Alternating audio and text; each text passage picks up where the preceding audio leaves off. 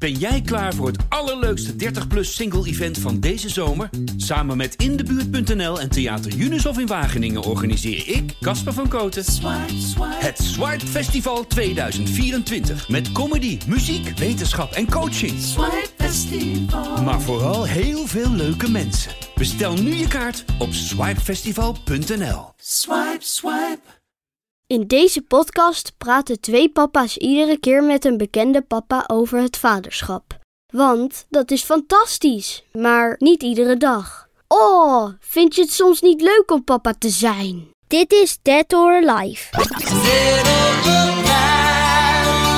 Welke echte vent houdt er nou van kinderfeestjes, zwemles en snoetenpoetsers? Gadverdamme. En waarom waarschuwt niemand je vooraf voor de klasse-appgroepen van school? Sodomiet op alsjeblieft met je appgroep. Daarom is er nu Dead or Alive.